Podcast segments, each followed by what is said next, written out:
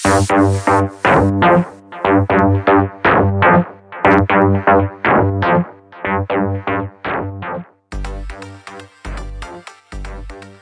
og hjertelig velkommen til podkasten Mulighetspodden, hvor du blir med inn i våre møter, og hvor vi diskuterer hvordan du kan skape din egen online-bedrift.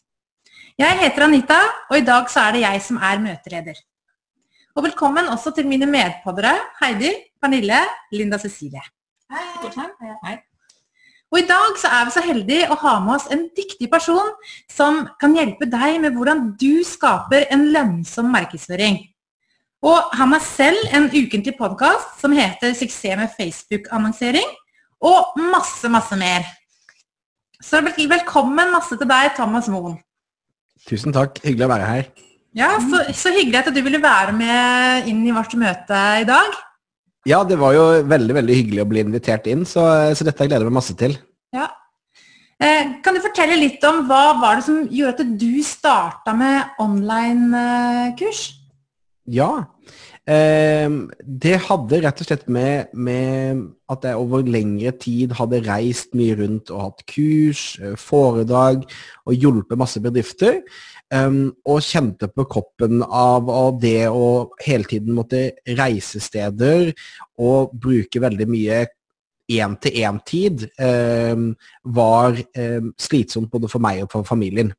Ja. Uh, og, og, da dukket det opp, og dette var begynner å bli ganske lenge siden, men da så jeg på muligheten til hvordan jeg kunne hjelpe mange samtidig. Mm. Uh, og da eh, begynte på en måte man å se relativt muligheten til å på en måte kunne få lov til å, å, å skalere dette opp og hjelpe bedrifter uten å nødvendigvis eh, se alle i øynene én og én, men ha muligheten til å hjelpe tusenvis um, på en mer effektiv måte. Og kanskje det som også er litt appellerende, for jeg jobber, liker å jobbe med små bedrifter som kanskje har litt mindre budsjetter. Og det er også at det vil koste mye mindre for en bedrift å, å kjøpe et, et, nettkurs eller noe av meg eh, digitalt, enn det er for meg å ta et fly opp til Tromsø og sitte der i fire timer med de. Så det ga meg mulighet til å få mer frihet, mer fokus på familie og være til stede, og samtidig kunne hjelpe mer mennesker på en rimeligere måte. Så for meg så var det eh, masse inspirasjon til å begynne den reisen. Ja. Når, når starta du? Eh, allerede Skal vi se, når kan det være, da? Jeg tror jeg solgte mitt første digitalprodukt rundt 2012-2013. Mm. Eh, begynte jeg å eksperimentere med det, og det var en total flopp fra starten av.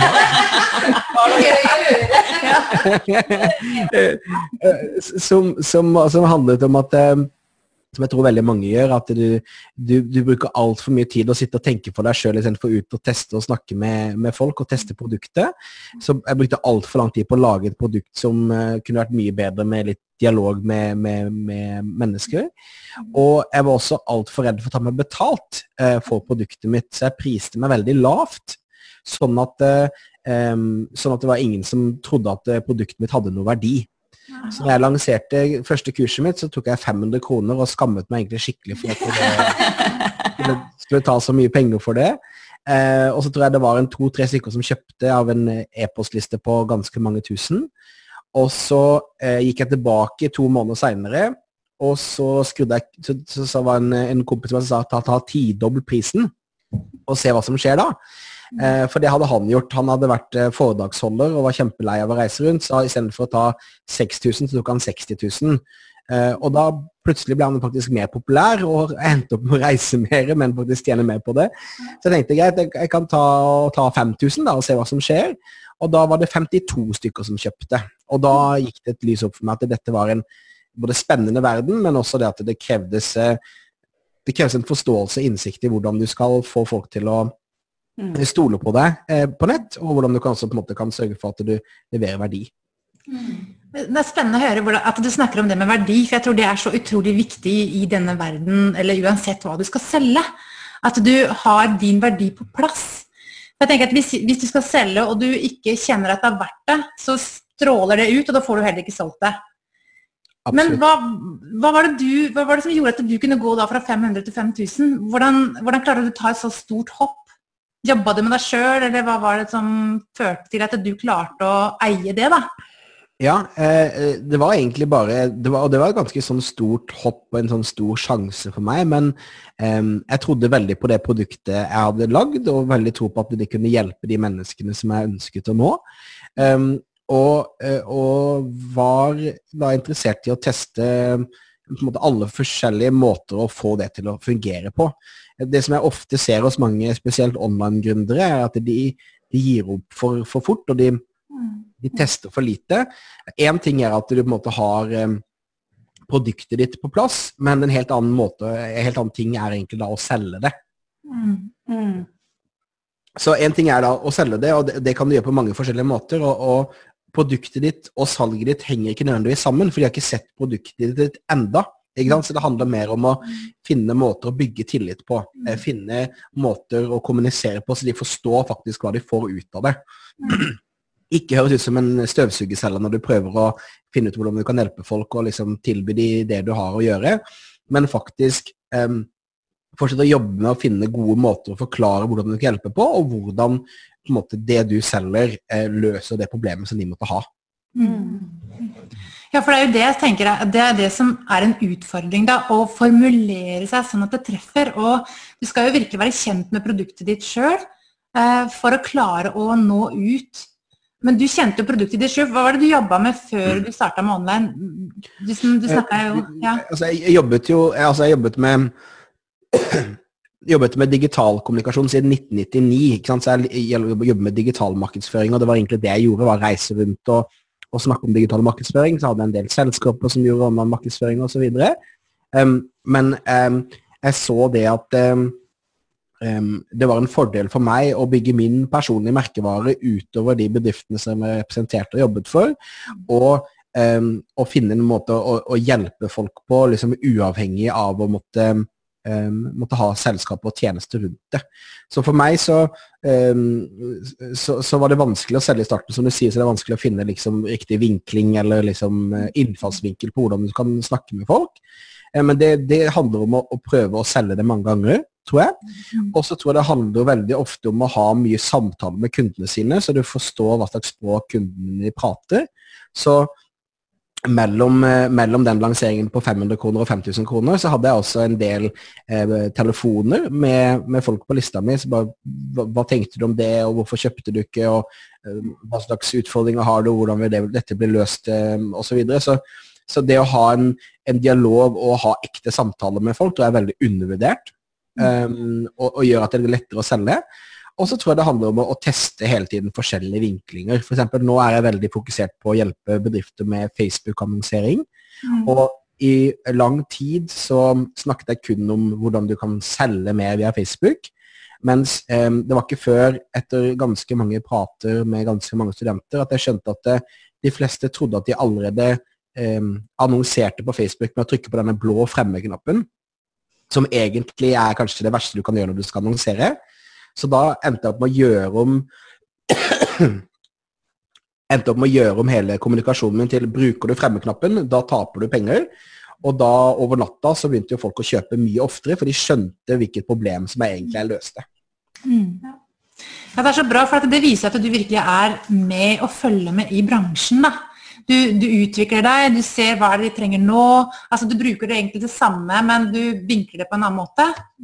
Absolutt, og det handler om å, om å hele tiden teste ut det. Og du kan si nå når jeg selger nå, så selger jeg med en ro og en selvtillit. For det er én, jeg har hjulpet flere tusen mennesker å lykkes med dette over årene, så jeg er trygg på at det hjelper. Um, og jeg blir tryggere og tryggere for hver gang også til å kunne forklare hva det egentlig er um, som jeg tilbyr.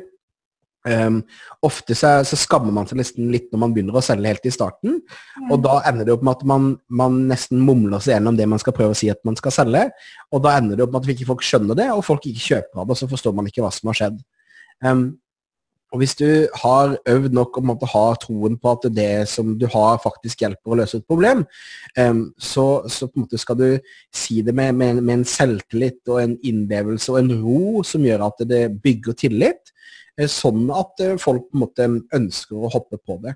Mm. La oss si jeg har et webinar, det er ofte jeg selger via webinarer, og da bruker jeg til slutt nesten like lang tid på å snakke om produktet, og folk er kjempefornøyd med å høre mer om det, for de ser det kan hjelpe dem, som er til å snakke om måte, råd og tips gratis som de kan implementere i forkant. Mm. Mm.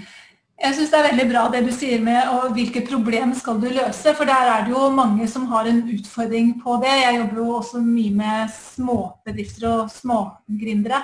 Eh, og det der å snu den tankegangen på at hva er problemet du skal løse, istedenfor å nødvendigvis snakke så mye om altså forretningsideen, men, men altså det er det viktigste. Og det du klarer å kommunisere der og komme fram til det, det er en ganske vanskelig prosess. da. Um, jeg tenker litt på, Kan du si litt mer om hva som er forskjellen på uh, det uh, om en universitet du uh, hadde tilbud om før, kontra nå?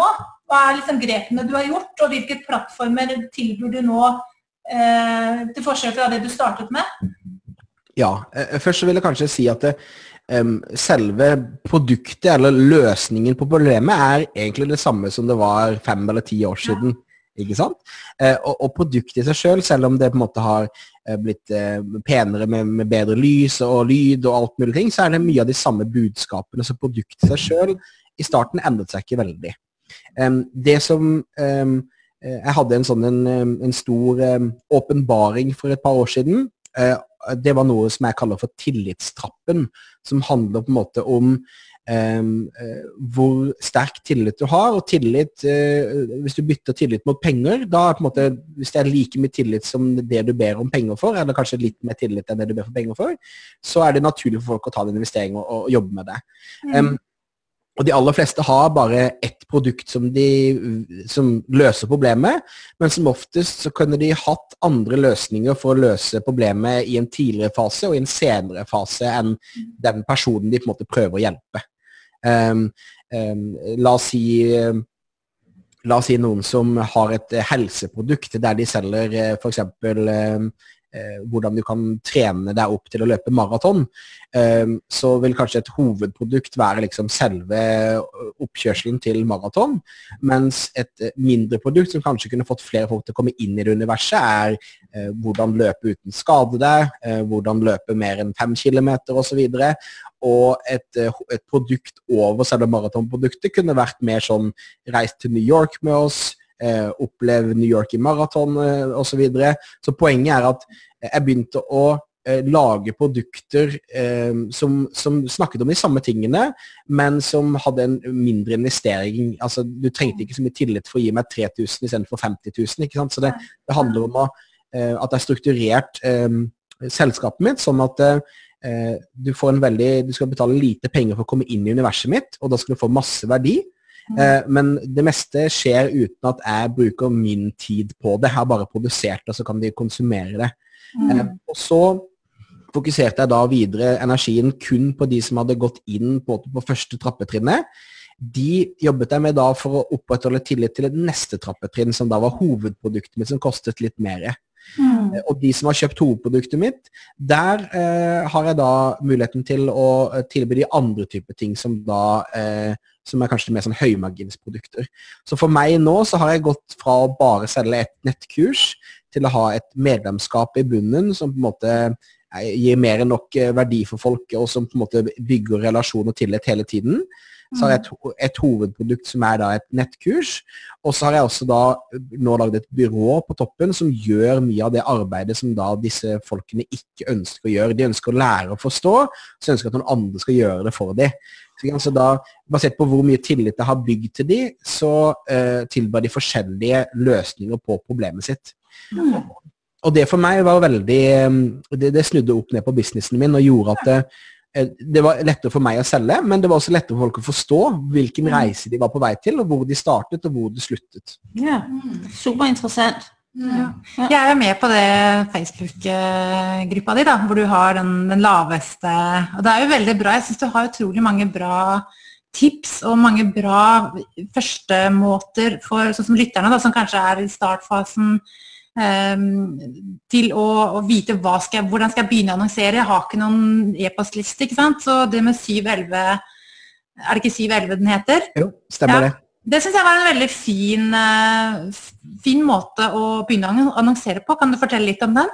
Ja, eh, det kan jeg. Jeg kan også bare fortelle litt om, om, tanken rundt det medlemskapet, først bare for å sette en setting på det. og Det er jo, det handler om, som du er inne på, å gi noen enkle råd og tips, sånn at folk skal begynne å tro på det jeg tror på, og det jeg vet at fungerer. ikke sant? Og, og gjøre det på en, på en ikke masete måte.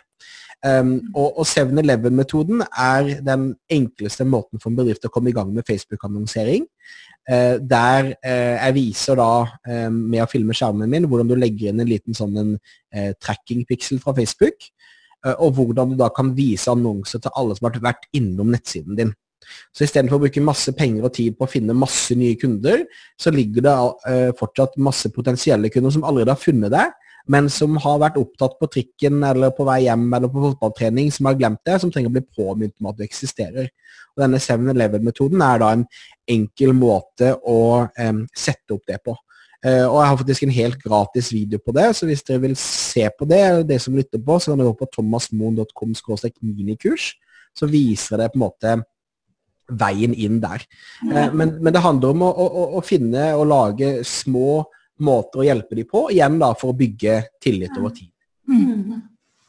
Hvilke plattformer du har lagt kursene dine på? Um, en så er jeg ikke veldig fan av å snakke om plattformer, fordi at eh, for folk har den gründersyken at de hele tiden leter etter den neste eh, kule plattformen eller verktøyet som skal redde de, og alt skal bli snudd på hodet.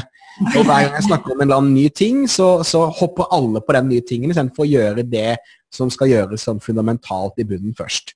Um, men um, jeg bruker noe som heter Kajabi til å levere um, kursene mine med.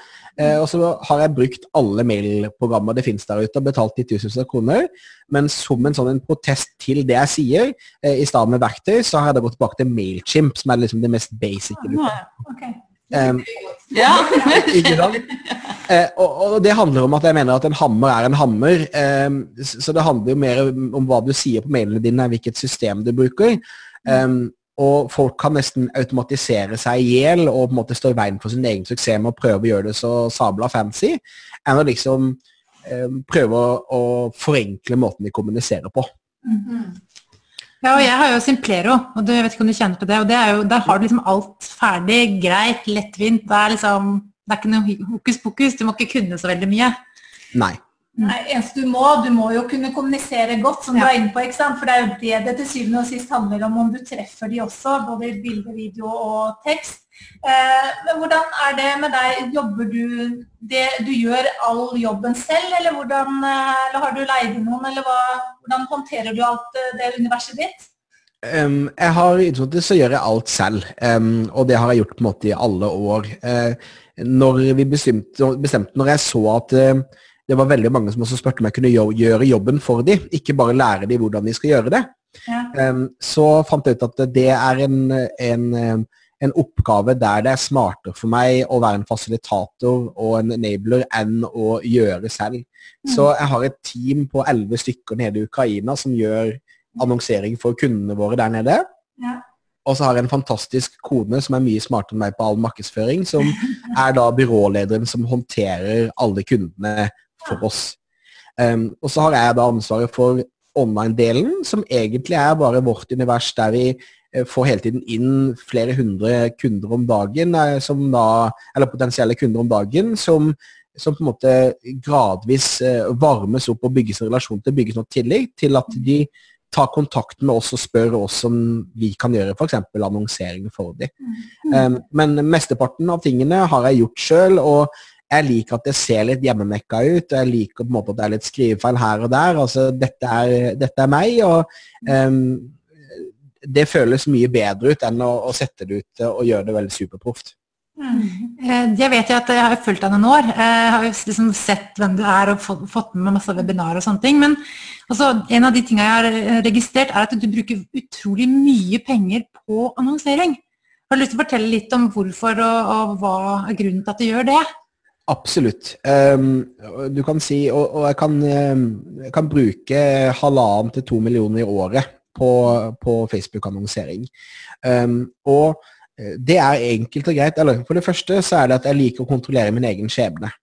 Eh, hvis jeg går bare rundt og håper at folk vil legge merke til meg, og håper at folk vil laste ned ting og kjøpe kurset mitt, så skjer det veldig lite.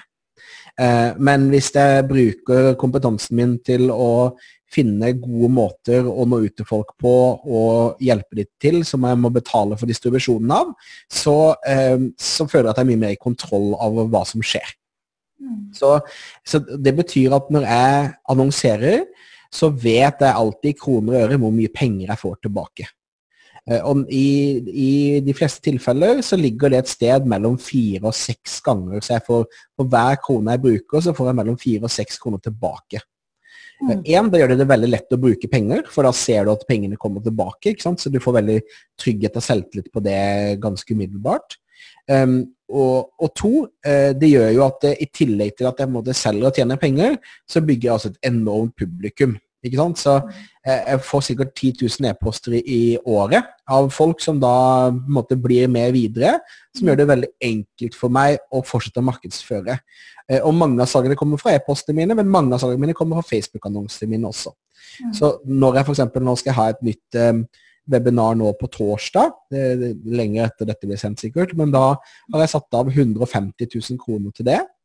Og da er det hovedsakelig kun mot et nytt publikum som ikke vet hvem Thomas Moen er fra før av.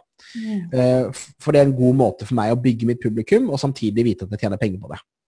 Men hvordan vil, jeg tenker at De som lytter, da, de har kanskje ikke det budsjettet, og de har kanskje ikke enda de vet kanskje ikke enda om det de faktisk leverer vil bli solgt. Da. For det er jo en utfordring i denne verden nå. at uh, det er ikke bare å annonsere, og så blir det solgt. Det er i hvert fall min erfaring. Men, 100 ja, så, hva, hva, vil du, hva, vil du, liksom gi som tips til en, en som går og tenker på online-kurs, som er liksom i startfasen? Ja, um, da vil jeg først og fremst tenke at, at um, Sånn som I starten så pleide jeg å sette av 2000-3000 kroner til å teste med for å annonsere, bare for å få mennesker inn. Mm. Og, og, med det så eh, bygger jeg gradvis sten, sten for sten, og, og, bygger opp selvtillit til å se om dette fungerer. Ikke sant? Og det, det som er min tommelfingerregel når jeg har webinarer, f.eks., det er at det er et sunt webinar hvis jeg kan få 40% av de som melder seg på, til å dukke opp, og jeg kan få 10% av de som dukker opp, til å kjøpe. Da vet jeg at det er sunt, og da ut ifra hvilken pris, hvordan du priser det, så kan du regne deg fram til hvor mye du kan betale per påmelding, og fortsatt tjene penger på det. Ja, for jeg har, jo, ja, jeg har jo erfaring med at eh, noen ganger så er det mange som dukker opp, og få som kjøper. Men samtidig så det, kan det være få som dukker opp, og så er det 88% som kjøper. ikke sant? Det er liksom ja, og når, du, når, du har litt mindre budsjett å gå etter, så vil jo, um, vil jo prosentene hoppe veldig. For det, det, vil ha noe om det er fint vær ute, om folk ser på webinar, eller ja. om det har vært noe på nyhetene. Eller, det kan være så masse ting, ikke sant? Ja. Så det handler jo om å ha så mye data som mulig over tid. Um, det er alltid lurt å bygge en liste og på en måte jevnlig snakke med de. Um, og sånn som da når jeg lærte meg å selge via webinar, så hadde jeg webinar hver uke i et helt år. Hadde 52 webinarer på ett år. Ja. Um, og, og, da begynte jeg med å bare gjøre det, holde det på en måte uten å ha noen annonse, annonse for det. Jeg bare fortalte mine sosiale medier om at jeg hadde det. Og for hver salg jeg fikk inn, så puttet jeg alle pengene tilbake i annonser, og så gradvis måtte økte um, økte investeringen min. Ikke sant? Ja, så du, solgte, du, solgte, hver uke du, du, solgte også samtidig som du hadde webinaret? Yes, så webinaret var et salgswebinar der jeg solgte produktet. Og for hver gang jeg solgte, så investerte det inn igjen i annonser. ikke sant? Så da, Samtidig så eh, satt jeg med argusøyne og på en måte så eh, hvor jeg sjøl reagerte på når jeg pratet. Og så etter hvert så ble jo både webinaret bedre, tilbudet ble tydeligere, engasjementet ble større og større osv. Så, videre. så så det handler om å, å teste masse. Og når du kommer til 40% oppmøte og 10% konverteringsrate av oppmøte, mm. så kan du begynne å tenke på å bruke mer penger og, og investere. Ja. Og det tror jeg også, Tilbake til gründersyken med alle disse verktøyene, det er også at alle har dårlig tid. Ikke sant? Ja. Eh, jeg har meditert i ti år, og en, en, god venn av meg som også mediterte, sa til meg for lenge siden da jeg var stresset, sa jeg, jeg vet ikke om jeg har tid til å meditere i morgen. Så sa han hvis du ikke har tid til å meditere i ti minutter, så burde du meditere i 20 minutter. Ja. det er helt sant. Helt enig med deg. og på samme måte, hvis du, på en måte, hvis du, hvis du er så low on cash eller tid til at du på en måte bare presser det gjennom, så vil du ikke klare helt å lykkes med det. Så da vil jeg heller tatt en, eh, en jobb på Kiwi noen måneder ekstra, og så jobbe med det på siden. Mm. Kan du si, um, Min online-karriere har jo gått opp og ned. Det har også vært med og bygd en del selskaper de siste årene osv. Og, så og sånn som da i 2016 så brukte jeg kun én time om dagen på online-businessen min Eh, og tillater meg ikke å bruke mer enn det. Og da enten holdt et webinar eller tilpasset en mail osv. Du får gjort utrolig mye hvis du har et års perspektiv på det og én time om dagen til å gjøre ting. Ja. Uh, og det gjorde at uh, vi plutselig solgte for 5-6 millioner kroner på et år. ikke sant? Og, og, da gjorde det også mye tryggere for meg å hoppe ut av en fulltidsjobb der jeg hadde ansvar for å hjelpe, jobbe med masse flinke mennesker og hjelpe de til å levere best mulig på jobben sin. Så um, jeg ville heller hoppet ut seint enn tidlig, og jeg ville heller ha brukt lengre tid til å få en godfølelse av at dette sitter, enn å liksom rushe seg ut i det. Ja.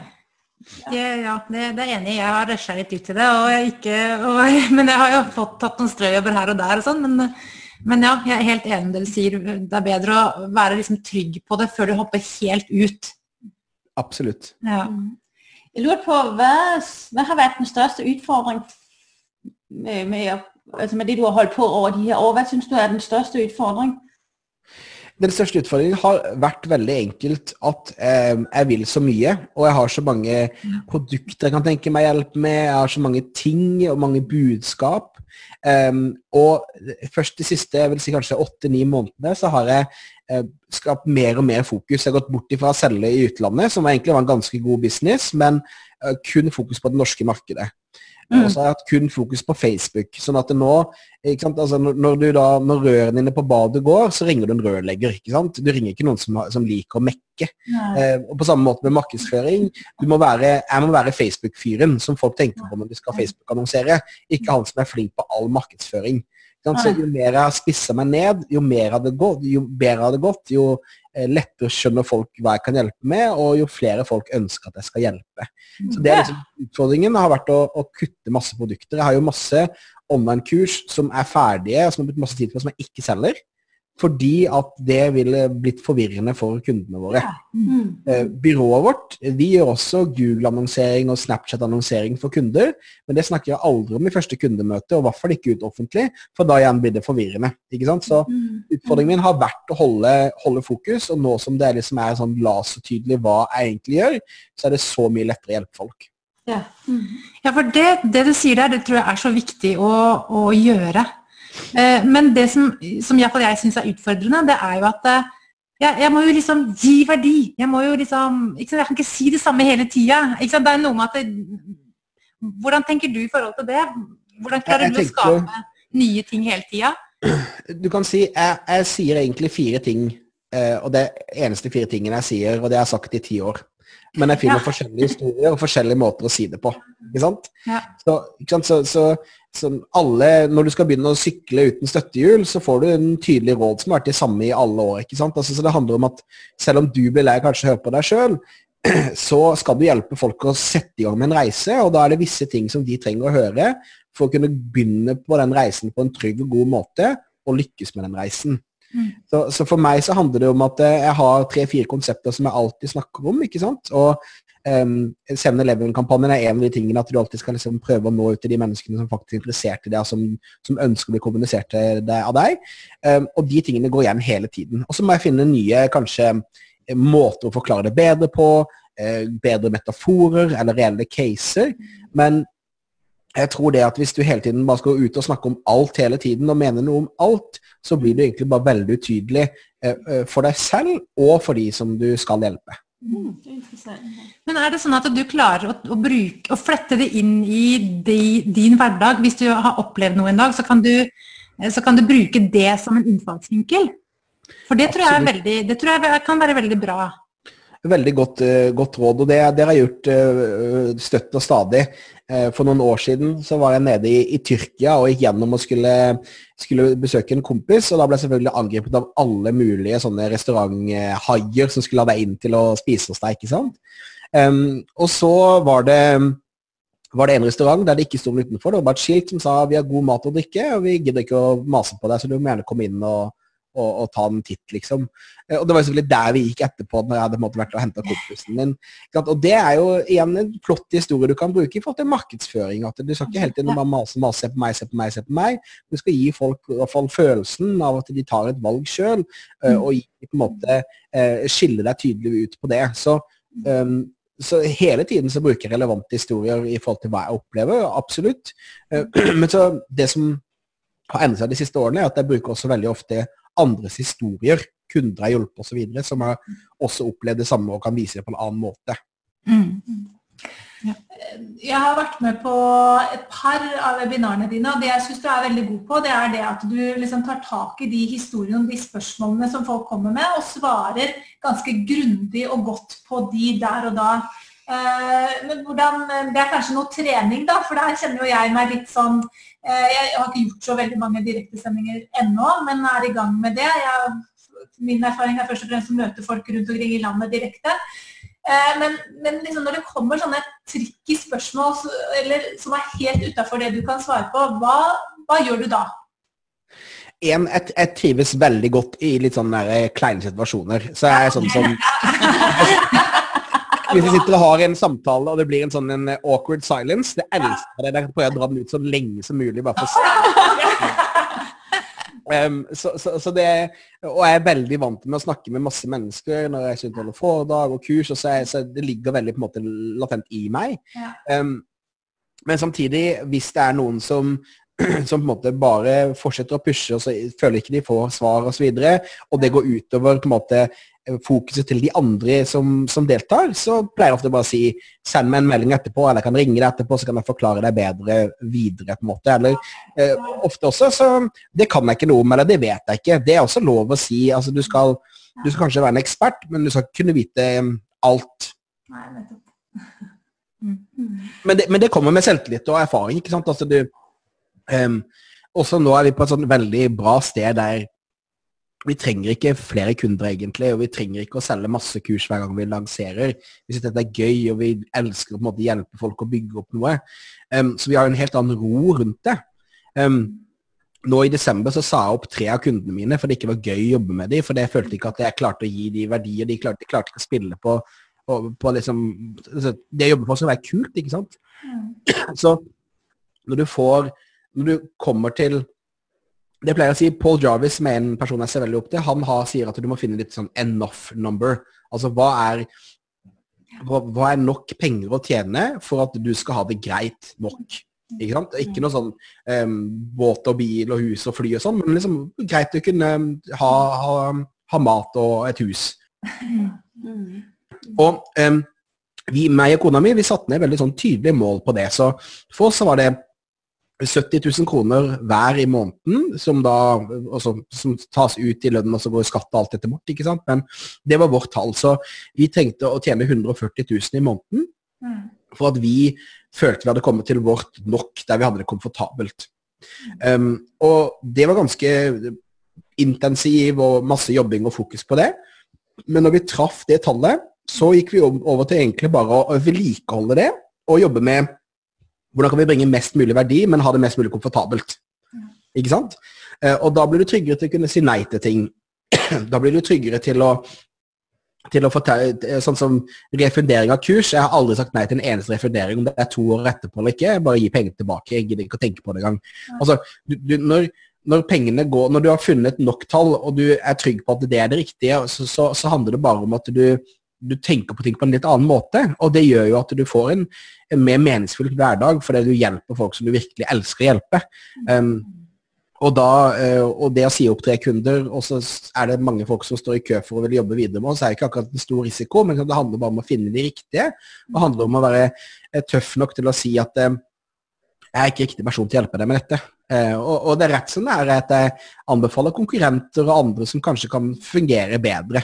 Uh, men det får du når du, du, har, du har, satt et en, enough number, og nådd det enough numberet ditt, så er det så mye lettere um, å ha den mentaliteten.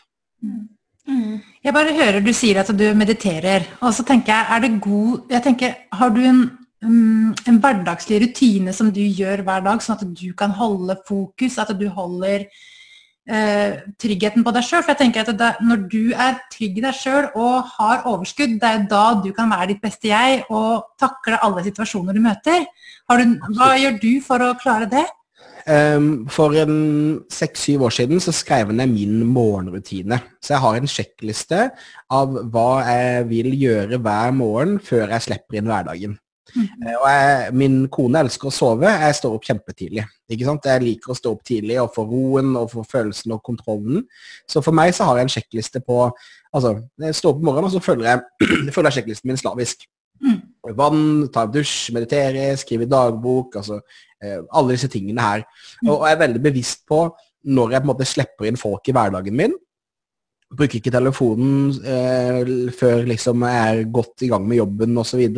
Sjekker ikke mail hele tiden osv. Jeg er veldig fokusert på at det er jeg som skal sette min egen agenda, mine egne prioriteringer. Det er ingen andre som skal få lov til å sette det. Um, og selv om det er altså, noen trenger å få tak i meg, da trenger de å få tak i meg, men eh, det er jeg sjøl som bestemmer når jeg skal være tilgjengelig.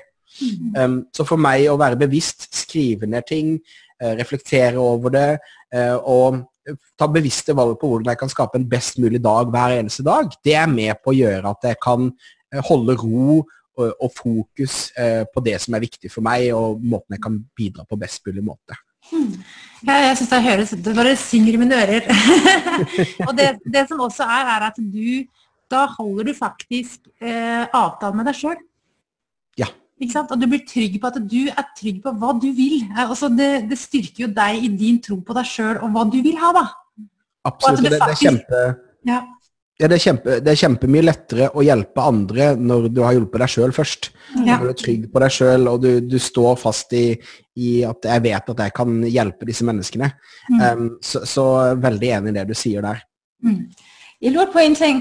Øh, Hva tenker du om, om fremtiden, både i forhold til det med å drive med online øh, business, og, og, også i forhold til Facebook? Man snakker så mye om at Facebook kanskje ikke blir den store plattform som den er i dag. Har vi hørt deg noen tanker rundt det?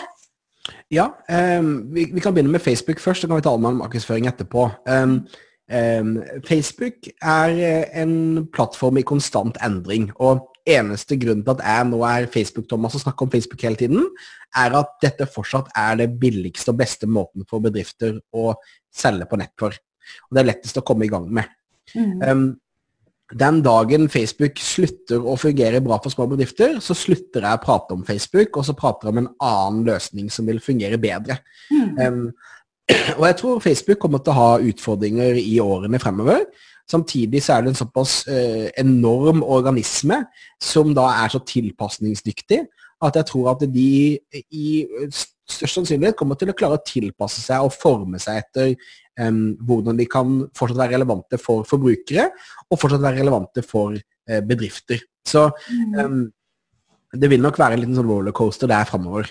Eh, og du kan si bak, bak i scenen, eh, bak teppet der vi jobber, så jobber vi og diskuterer vi hele tiden nye ting og prøver det ut mot på en måte bransjen. Så sånn som da Amazon kommer jo til Norge antageligvis i løpet av i år. Så jeg bruker masse tid på å utdanne meg om hvordan Amazon-butikker fungerer, hvordan jeg kan hjelpe norske bedrifter å komme inn på Amazon. For det at min målgruppe, som er da eh, små bedrifter, eh, det jeg skal hjelpe dem med, er å skape lønnsom markedsføring. Og da må de være på et sted som der er lønnsomt. Så for meg så er det interessant å teste det. Det prater jeg ikke offentlig om ennå, men jeg prater om det og forbereder meg til å se om det er noe som vil erstatte Facebook, f.eks. Ja. Um, så, så, så, for meg så tester vi hele tiden på en måte nye potensielle retninger, men i veldig veldig liten skala, og, og bruker mye tid på en måte å, å snakke med folk og diskutere. Mm. Um, når det gjelder online-gründere, um, så, så, spår jeg fortsatt det en, en, en lys fremtid, men um, jeg tror uh, vi heldigvis nå etter hvert begynner å skille det jeg kaller sånn, jeg har en drøm-mennesker som egentlig uh, vil, men, ikke, som har litt vondt i vilja, som ikke er villig til å gjøre den jobben for å lykkes, eh, mot de som faktisk er villige til å gjøre jobben som lykkes, og som har et reelt eh, problem og et godt budskap til hvordan de på en måte skal løse, eller løsning på det problemet som, som folk har. da. Ja. Så, så, så, så så så lenge du er nisjete og spissete og måte, løser et reelt problem for folk, så har jeg kjempetro på det. Men det er også da forståelsen av at dette er, dette er aldri noe over natta suksesser. Uh, og at dette er fortsatt uh, hardt arbeid og noe du skal trives med å gjøre hver eneste dag. Mm. Eh, og selv om du kan sitte på en eh, strand i Bali med laptopen din, så er det fortsatt jobb, og det er fortsatt mennesker du skal hjelpe, og få et ansvar for at skal få verdi ut av det du selger. Mm. Så, um, um, så, det er ikke sånn at du kan bare legge tilbake og slappe av og ikke gjøre noen ting. Det er fortsatt en, Men du kan designe din egen hverdag, og du kan ha mye mer frihet og kontroll selv. Mm. mm. Interessant, veldig interessante tanker du har, ja. Ja, så tenker jeg at For lytterne da, så tenker jeg at ditt beste tips kan være det at du spisser budskapet. At du, har, altså du liksom virkelig er spissa. Absolutt. Det er jo det som i hvert fall har hjulpet meg veldig. er Fra å være markedsførings-Thomas til Facebook-Thomas gjør at eh, det er lettere å hjelpe, det er lettere å selge, det er lettere å, bygge, det er lettere å få oppmerksomhet og det er lettere å få spredning. Så, så det å, å, spisse veldig tror jeg er kjempe eh, bra. Vi trenger ikke flere personer som forteller nødvendigvis hva du skal spise for å bli tynnere. Men vi kan finne personer som har funnet nisjer og måter å kommunisere det på, som på en måte snakker på en annen måte enn alle andre. Mm -hmm. Ja, og det er jo det som er uh, veldig Eh, interessant. Da. At, men, men, tror du at Facebook kommer til å lage det litt lettere for uh, Hvis dersom vi er flinke til å spisse, at de lager det enda lettere å nå ut til akkurat de spissa målgruppa, på en måte? Ja, det er der Facebook egentlig er best. det er jo at det, Så lenge du bruker denne Facebook-pikselen og forteller Facebook hva du ønsker skal skje, så er Facebook veldig flink til å finne de menneskene for deg. Ja. Ikke sant? Så Facebook kommer til å bli flinkere og flinkere på det, og, og flinkere og flinkere til at du kan gjøre det mest mulig på en måte nesten på, på autopilot. Mm. Men det krever fortsatt at du har et tydelig budskap. Det, det, det krever fortsatt at du, du, har tillit til at du er troverdig, og det krever fortsatt at du klarer å, å kommunisere løsninger på problemet den personen har, på en veldig tydelig måte. Mm. Så liksom, Du kommer ikke unna det. Igjen da tilbake til verktøy og til hammer og sånn. altså Det spiller ikke noen rolle måte, hvor du sprer budskapet ditt. Budskapet ditt må treffe målgruppen for at det skal faktisk fungere. Mm. Ja, Det har jeg veldig god erfaring med. Jeg har vært altfor uh, over there, ikke sant? jeg har lyst til å spørre deg litt, fordi at eh, det med firma og voksen, når firmaet ditt vokser og så har du sagt at allerede at det er du og kona di, og så har dere noen i Ukraina, ble det? Mm, stemmer.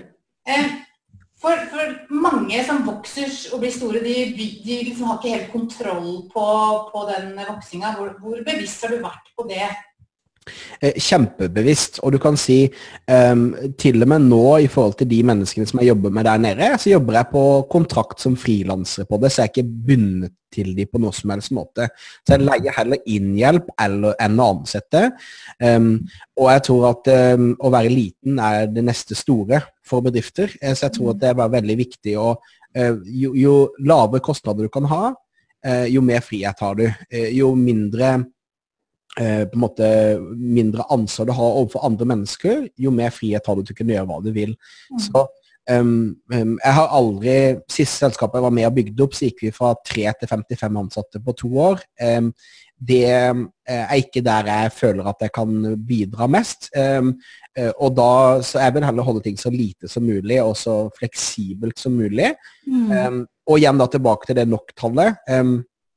Vi prøver ikke nå å tjene mer penger i nå i 2019 enn vi gjorde i 2018.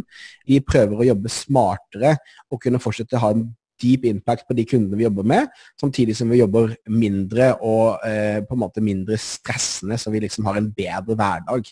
Mm. Eh, igjen for oss, fordi vi har nådd vårt nok-tall, så handler det mer om å eh, gi seg sjøl lov til å designe den hverdagen man vil ha.